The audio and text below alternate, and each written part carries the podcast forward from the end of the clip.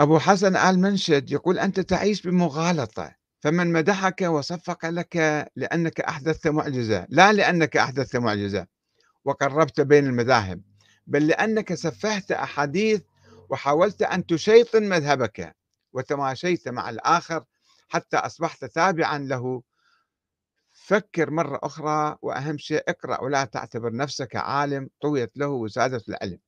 يا أخي العزيز أنا ما أسفه المذهب الشيعي. بالحقيقة هناك يعني قبل ألف سنة ألف سنة في القرن الثالث الهجري النوبختي كتب كتاب فرق الشيعة.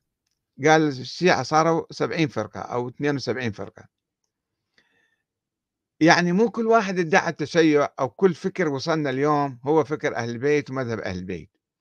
في خرافات وأساطير وبدع وغلو وكفريات وشركيات موروثة باسم أهل البيت وباسم الإسلام وباسم التشيع.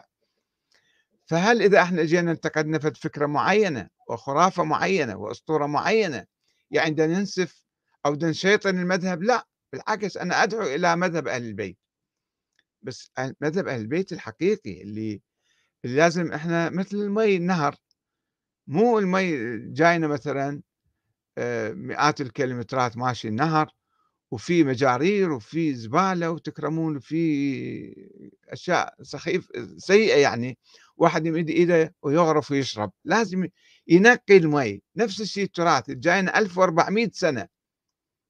1400 سنة ما يمكن إحنا ناخذ كل رواية وكل قصة وكل حديث نسمع ونصدق به فلازم إحنا ندرس ونبحث ونحقق ونصفي التراث حتى يفيدنا ولا يضرنا لأن هذا مثل المي المسموم إذا شربته أنت تموت. وهذا اللي دي يصير عندنا أنه أزمات وطائفية وعنف وكذا من الفهم السيء للتراث. آه، جمال العراقي يقول للأسف الشديد الكثير الكثير لا يعجبه هذا الكلام. وإن استند على وقائع ووثائق تاريخية معتبرة ورغم صحة وقوة ووثاقة مصادرها ومن أصدرها إلا أنهم أنهم يقبلون بالضعيف أو حتى الغير موجود أصلا لمجرد أنه يرضي غريزتهم العقدية وفطرتهم التي تربوا عليها.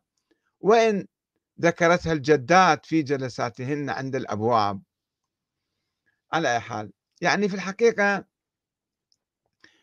آه، أنا ما عندي يعني مصلحة في تزوير التاريخ أو إنما أحاول أن أشوف الأشياء الإيجابية اللي تفيدني اليوم في تعزيز أواصر المحبة والأخوة بين المسلمين وفي تحرير المسلمين من المستبدين ومن المحتلين ومن الطغاة والمجرمين. والسلام عليكم ورحمة الله وبركاته.